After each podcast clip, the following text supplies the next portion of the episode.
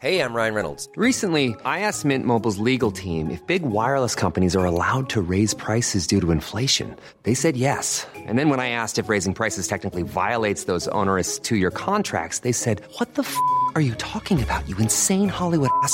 F- So to recap, we're cutting the price of Mint Unlimited from $30 a month to just $15 a month. Give it a try at mintmobile.com slash switch. $45 upfront for three months plus taxes and fees. Promo rate for new customers for limited time. Unlimited more than 40 gigabytes per month. Slows. Full terms at mintmobile.com.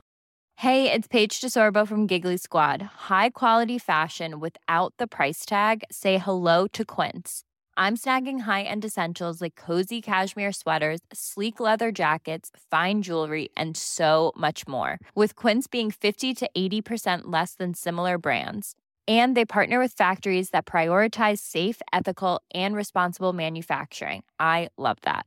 Luxury quality within reach. Go to quince.com slash style to get free shipping and 365 day returns on your next order. Quince.com slash style.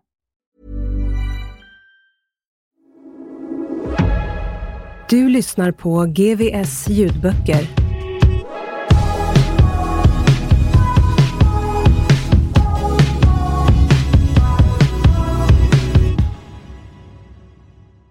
Gäststjärnan. En del i Nemesis-serien av Kai Linna. Inläst av mig, Erik Bolin. Kapitel 14 Av allt folk i det prekolumbianska Amerika var det förutom mayafolket endast irokeserna som hade något som kan liknas vid ett alfabete. Betydelsen i den uppsättning av symboler som irokeserna använde var begränsad till en mycket snäv krets. De flesta kände inte ens till dess existens, än mindre hur de skulle tolkas. Men symbolerna kunde, när de kombinerades med varandra, forma ett budskap som i sin tur kunde förmedlas över tid och rum och därmed uppfylla det viktigaste kriteriet för ett alfabete. Ny. Stjärna. Vit. Älg. Inskriptionerna på väggen i Akkas grotta var uråldriga. Men den femte symbolen i ordningen stod för förändring och tvetydigheten i själva innebörden av symbolen kunde framstå som en förvandling. Men symbolen kunde också betyda födelse eller död. Akka, som fram tills helt nyligen föredragit den metaforiska tolkningen, satt nu och funderade på om Stapaky, häxan, hade själv anammat det alldagliga smeknamn resten av byn använde på Peter, var betraktad som nyfödd genom sin unika ankomst till denna värld. Och i så fall, om han även skulle antas vara död i den tid han kom ifrån. Sin vana trogen avslutade häxan sitt resonemang med att retoriskt fråga sig själv. Varför inte? Eida stödde Akkas resonemang med en fråga. En metafor är väl egentligen mera som en förvandling än en förändring. Inte för att jag har funderat så mycket på dessa saker, men Stapaky har inte nämnt något om att han inte längre är vad han var. Bara att han inte längre är när han var. Och i så fall är han ju både död och levande. Och därmed i ständig förändring, envisade Saka. Men någon älg är han i alla fall inte. Det var inte ofta Eida fick en chans att överraska sin mentor. Men Akka blev mer än stolt över att Eida inte, sin vana trogen, passade på att framstå som duktig när han förklarade vad elk egentligen betydde. Han hade lärt honom väl. Sambanden är mycket tydliga. Men vad är meningen? Ska Stapeky skjuta på solen? Och i så fall måste han återvända dit där han ska göra det. Tillsammans med några i byn Satchem satt de på den numera av vårblommor fullbemängda slänt till samma kulle som Eida ett halvt år tidigare bestigit för att kontemplera över den rosa stjärnan, vars ljus avtog allt mer för var dag som gick. Framför dem låg byn. Men de flesta av dem som inte vandrat söderut för att tillsammans med Cayugas folk skörda lönnträdens livgivande söta sav var nere vid stranden tillsammans med de Cayugas som i sin tur vandrat norrut för att delta i den rika fångsten som vårfisket brukade ge. Att dessa två livsviktiga gåvor från den som ger allt liv erbjöds samtidigt, just när de efter en oftast svår vinter behövdes som mest, hade så länge man kunde minnas tolkats av Onondaga och Cayuga som en maning av den som ger allt liv till förbrödning och samarbete mellan folken. Denna tolkning hade fungerat mycket bra i alla tider. Båda folken fick del av båda skördarna och mellan Cayuga och Onondaga rådde aldrig några allvarliga stridigheter. Nere vid stranden var några nu upptagna med förberedelserna inför fisket, medan de yngre männen var helt inne i det spel de höll på att lära Peter. Spelet var ganska simpelt, men för den skull inte helt enkelt.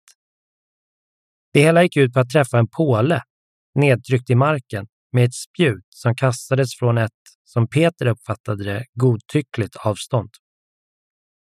Förbehållet var att spjutet först måste ta i marken innan det på studsen träffade pålen. När Peter väl förstod de enkla reglerna och insåg att det avgörande var en flack och hård projektilbana visade han sig vara en mästare i detta spel. Gång på gång, varje gång, träffade han rätt. När de andra efter ett tag ville att Peter skulle kasta från ett avstånd som var mer än dubbelt så långt från stolpen som vid de ursprungliga försöken stannade hela byn upp, inklusive de borta vid slänten som vederkvickade sina vintertrötta kroppar i den värmande vårsolen med sina göromål för att se hur även detta kast fick en perfekt träff. Att Peter fortfarande haltade lite efter den skada han fått vid Niagara bidrog till det tysta men samfällda bifall kastet renderade.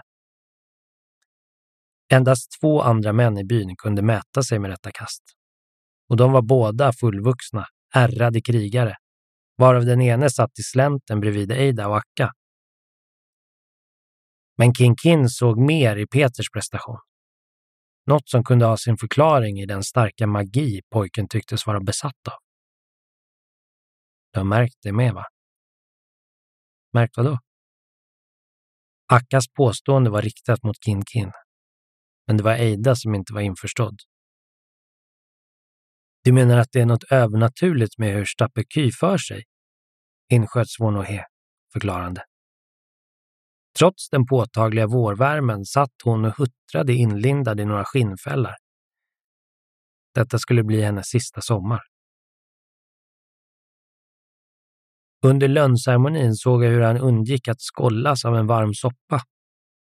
Detta gjorde han genom att hoppa undan innan soppan var på väg emot honom.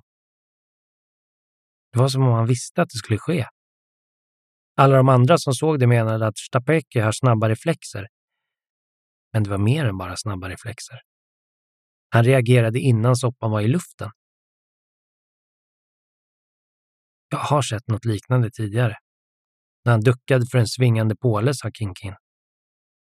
Tikaka, som kan vara rent livsfarlig, när hon rumsterar om uppe vid härden märkte ingenting själv, men Stapeky reagerade som om han hade ögon i nacken. Kinkins gestikulerande armar gav en lätt komisk bild av hur farligt det ibland kan vara att vistas vid Eidas och hans egen härd. Dessa harmlösa missöden kan man skratta åt. Men de visar att en olycka kan hända när som helst. Sen Tialon.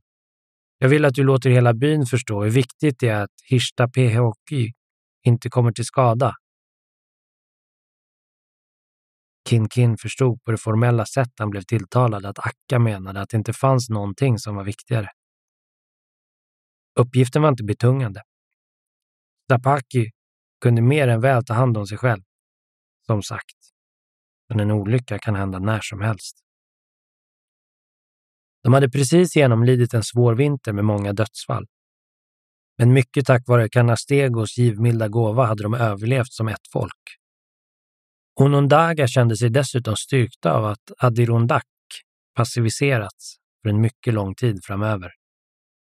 Att hela byn nu skulle oroa sig över att Stapaky kunde råka ut för en olycka skulle lägga en väl tidig sordin på den spirande känsla av optimism och tillförsikt som bara precis börjat anas i byn. Men budskapet skulle framföras. Och förstås utan att Kin Kin behövde förmedla det mer än en gång till sin fru. Men varför lät han sig i så fall träffas av Petuns pil uppe vid Niagara? Vill Eida veta. Det kan ha sin förklaring i att han var omtöcknad av att sanningen kom ikapp honom till slut, försökte Akka förklara. Vem hade inte varit det? Det kan även vara på det viset att pilen visst missade. Pojken är ju inte allvarligt skadad, tillade de. Och de andra nickade instämmande. Eida, imorgon, när de andra har givit sig iväg till fisket, vill jag att du kommer med pojken till mitt svetttält. Det är hög tid för oss att se hans drömmar. Häxan reste sig och gick mot sitt eget hus. Som inte var lika stort som Onondagas långhus. Det bestod av endast två delar. Den ena delen var svettältet, som kunde rymma upp till fem personer och inte så sällan gjorde det. Den andra delen var mindre och bestod av en sovplats som rymde det lilla Akka i övrigt behövde. Huset var beläget utanför palissaden, alldeles nere vid stranden. Redan senare på dagen märkte Peter att någonting var förändrat. Först trodde han att den ökade uppmärksamheten berodde på förmiddagens spjutkast, men sen, på eftermiddagen, när det var tid över för mer lekar och spel, kände han tydligt den omtänksamma attityd byn intagit gentemot honom. Alla spel och de flesta lekar sågs som ett tillfälle till utbildning och fostran. Eftersom dessa tillfällen gav en möjlighet för de unga männen att visa sin duglighet som framtida krigare och jägare samt som män, då det fanns ogifta flickor i publiken, var de mycket tävlingsinriktade. Men de unga insåg sällan att den största prestige de kunde få var när de visade prov på sin duglighet som framtida ledare åt sitt folk. Tillfällen när återhållsamhet var den rätta vägen och tillfällen när vinsten kom indirekt senare. Vilken aktivitet som stod för dagen var, om inte vädret fick bestämma, av mindre betydelse. Men nu var det en av de mera uppskattade som gällde. Brottning. De brottningsmatcher som de unga männen gav sig hän åt kunde ofta sluta med allvarliga skador som benbrott, krossade ögon och vid sällsynta tillfällen till och med dödsfall. Peter började bli både arg och förtvivlad när ingen ville brottas med honom. Han fick själv stå för alla utmaningar men samtliga brottare sneglade på sin hövding och avböjde vänligt men bestämt. Eftersom ingen annan vågade, av rädsla för att skada Stapaky, insåg Kin Kin till slut att han själv måste stega fram för att anta pojkens utmaning. Det var inte utan att han var tvungen att ta i lite grann som Kin Kin kunde brotta ner en, trots sitt skadade ben, ivrigt attackerande pojken. Men, tänkte Kin Kin, om det skulle vara frågan om dödligt allvar så var Stapaky fullständigt chanslös. Hövdingen som tog dessa brottningsmatcher på största allvar bestämde sig för ett test. Med framåtlutande axlar och böjda knän stod de båda bredbent mitt emot varandra inför nästa tag. Peter anade att om den senaste omgången varit svår så skulle nästa bli svårare. Kinkin gick in på Peters kropp med utbredda armar, men i sista sekund ändrade han riktning och dök ner mot benen istället. Den tämliga lättgenomskådliga finten fick Peter att backa några steg för att förvånat se hur Kinkins dykning övergick i en kullerbytta. Därefter följde det egentliga slaget. Med bibehållen fart, från kullerbyttans framåtdrivande kraft och med överkroppen ihopkrupen och dold, avslutade Kinkin blixtsnabbt varvet. När han kom upp på benen igen, med ett dödsbringande slag med utsträckt arm och knytnäven riktad rakt mot Peters struphuvud. Åskådarna såg häpet på. Detta var inte något som tidigare skådats under dessa lekfulla former. Men där Peters hals borde ha befunnit sig var istället hans starka armar för att fånga upp Kinkins knytnäve. Hövdingen flinade belåtet. Han hade vågat och vunnit. Visserligen höll han tillbaka slaget lite grann på slutet. Det var ju trots allt frågan om ett test. Men om slaget tagit skulle Stapaky nu ha legat utslagen på marken, klösande i sanden efter luft och hela byn skulle undra vad som egentligen avsågs med hövdingens ord om att pojken inte fick råka ut för en olycka. Även Peter var förvånad över den aggressivitet Ginkin visat prov på. Han är inte klok, tänkte han, och såg till att hela tiden ha ryggen fri, som om hövdingen när som helst skulle flyga på honom igen. När de senare gick ner till stranden för att skölja av sig svetten och dammet fortsatte han att hålla ett vakande öga på den hela tiden mystiskt flinande Kin-Kin.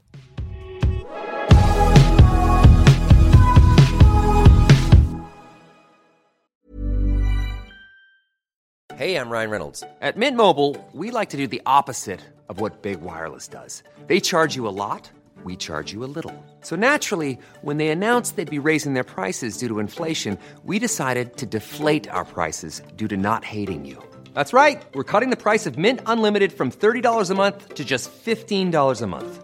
Give it a try at mintmobile.com slash switch. $45 upfront for three months plus taxes and fees. Promote for new customers for limited time. Unlimited more than 40 gigabytes per month. Slows. Full terms at mintmobile.com.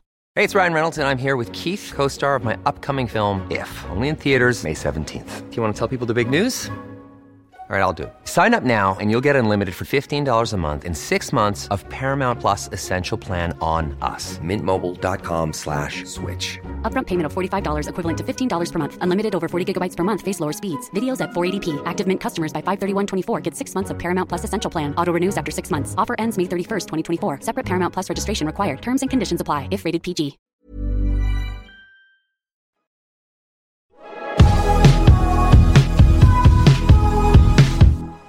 Kapitel 15 Tillbedjan av högre makter samt tron på att det går att spå om framtiden är de enda två företeelser som i alla epoker i mänsklighetens många olika former av civilisationer visat sig vara ständigt närvarande. De som ansetts haft förmågan att spå om framtiden fanns hos alla de historiska folken, som i antika Grekland och på den bibliska tiden i såväl Egypten som i romarriket. De fanns i de indiska kungadömena och hos de afghanska mogulerna och innan dess hos sumerna. Aboriginerna i Australien, som var isolerade från de övriga i världen i över 50 000 år, hade spåkunniga personer, liksom det mångtusenåriga kinesiska riket.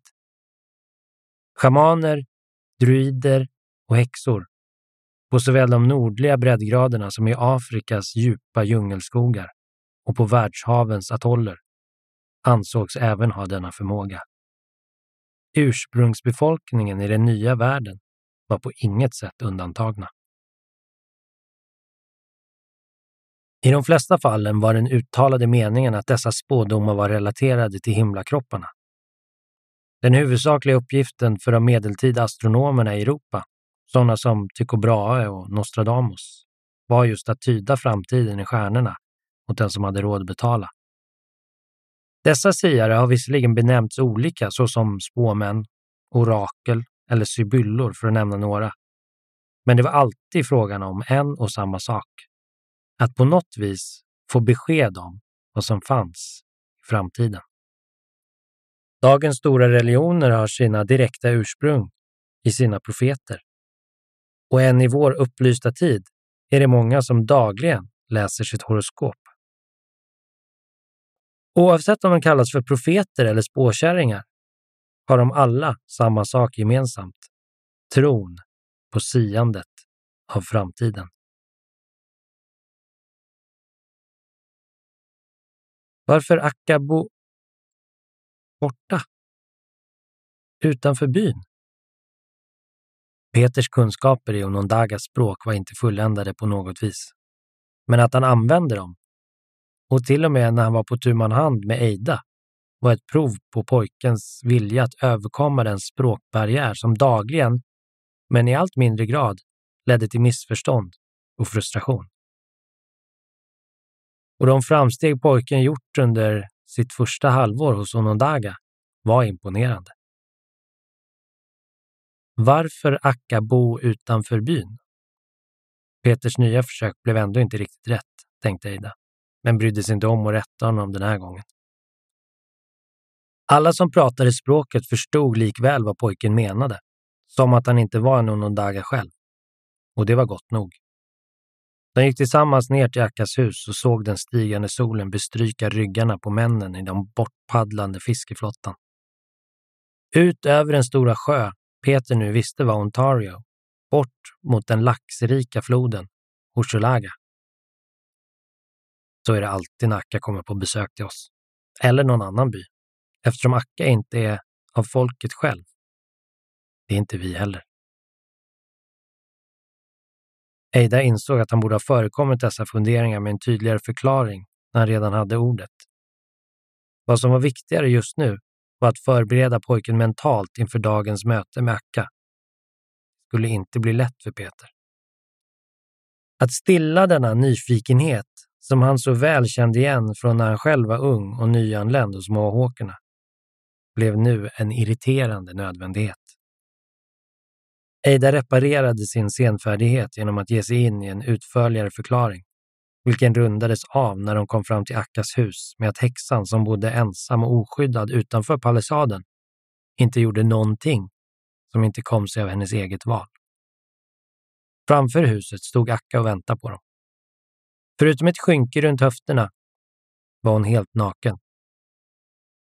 Peter, som vid det här laget vant sig vid en nakenhet som så otvunget och naturligt visades upp av Onondaga, var ändå inte beredd på att han själv nu var tvungen att delta i nudismen.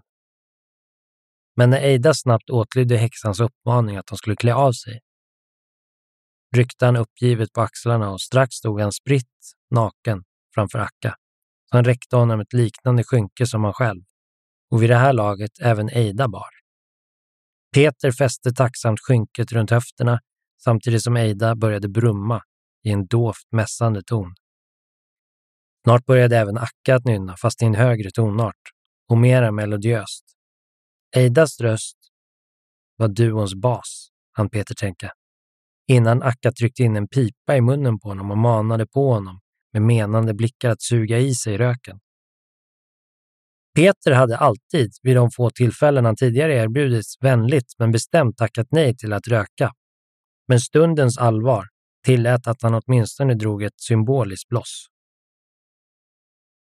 Mamma, förlåt mig, var det sista Peter han tänka innan resten av dagen försvann in i en dimma vars minnesbilder han senare skulle ha all anledning att tvivla på.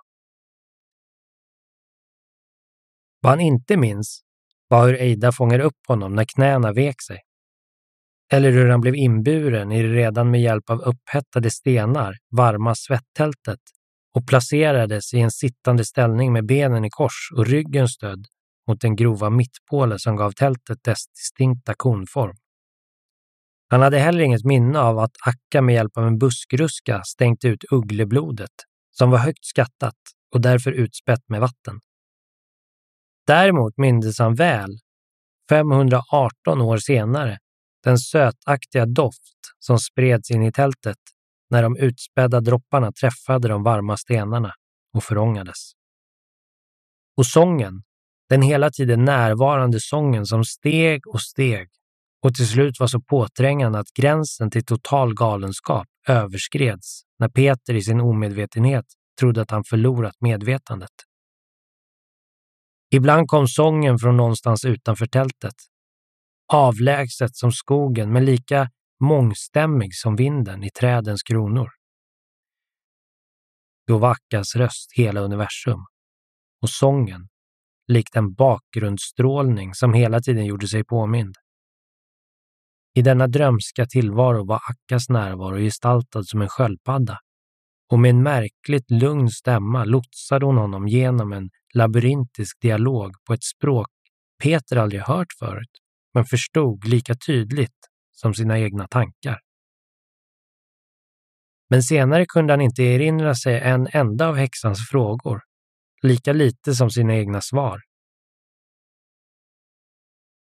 Efter att ha svävat runt i en evighet med ständigt nya intryck av minnen begravda djupt i hans inre, vilka han senare inte kom ihåg, avtog sången gradvis.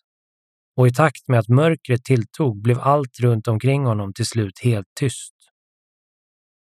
Ett dovt, rytmiskt trummande var det enda som aldrig riktigt försvann ur hans medvetande.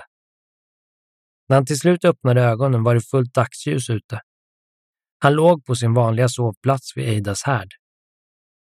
Runt omkring honom, och även vad han kunde se genom dörröppningen utomhus, var alla de som fortfarande var kvar i byn fullt upptagna med någon form av förberedelser. Peter orkade inte ens gissa vad.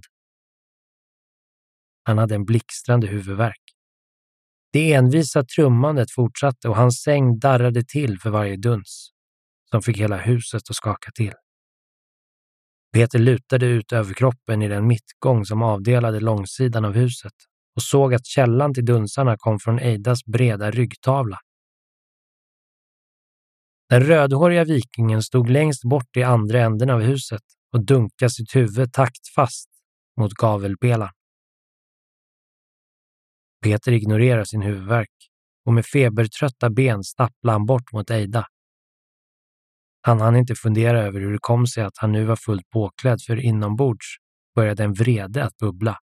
Och när han slet tag i Eidas rygg för att svänga runt jätten var ilskan total. De hade lurat i honom något. Drogat honom. Eida skulle få stå till svars för detta oförlåtliga svek, han Peter tänka. Anklagelserna som rusade fram i pojkens strupe stannade där när Eida vände sig om. Hans panna var helt blodig av stångandet mot stolpen. Men det var sorgen i ögonen som gjorde att Peter helt kom av sig. Hon är död nu, mumlade Eida frånvarande. Va? Hon? tänkte Peter. Vem? Tekaka? Akka. Akka är död nu, svarade Eida honom och slet sig fri. Gäststjärnan av Kaj Linna kan du lyssna på i sin helhet utan reklam på Storytel. Hey, it's Danny Pellegrino from Everything Iconic.